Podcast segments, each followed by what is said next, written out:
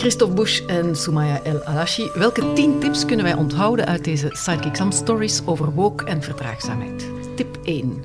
Ga met die jongeren in dialoog en zie het eigenlijk als leerkracht, als leermoment, ook voor jezelf, niet alleen voor de jongeren. Tip 2.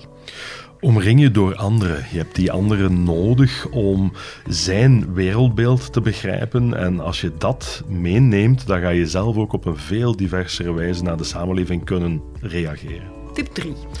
Het is oké om kritisch te kijken en ook om emoties toe te laten, om daar ruimte voor te voorzien. Maar heb aandacht voor feitelijkheid. Breng ook gegevens naar binnen die maken dat emoties, kritische zin en feiten in evenwicht blijven met elkaar. Tip 4.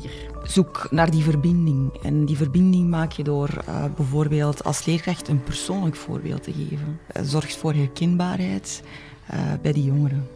Tip 5.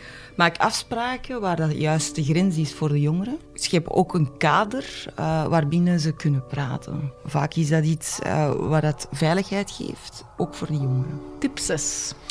Jongeren willen niet per se luisteren, maar ze willen wel gehoord worden. En misschien is dat net de juiste ingangsdeur om moeilijke thema's vast te pakken. Start met hun beleving, hun ervaring en vertrek dan naar een verdieping waarin je inderdaad ze ook leert luisteren naar elkaar. Tip 7.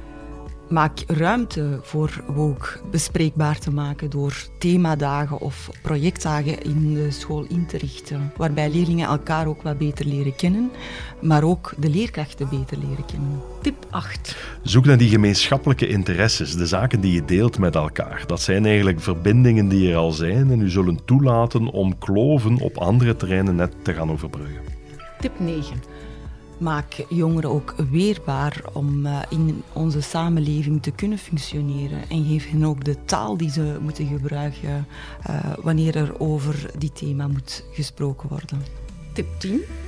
Als daar nood aan is, creëer dan een safe space, zodat de jongeren die gekwetst zijn of kwetsbaarheden willen uiten, dat ze dat ook durven doen.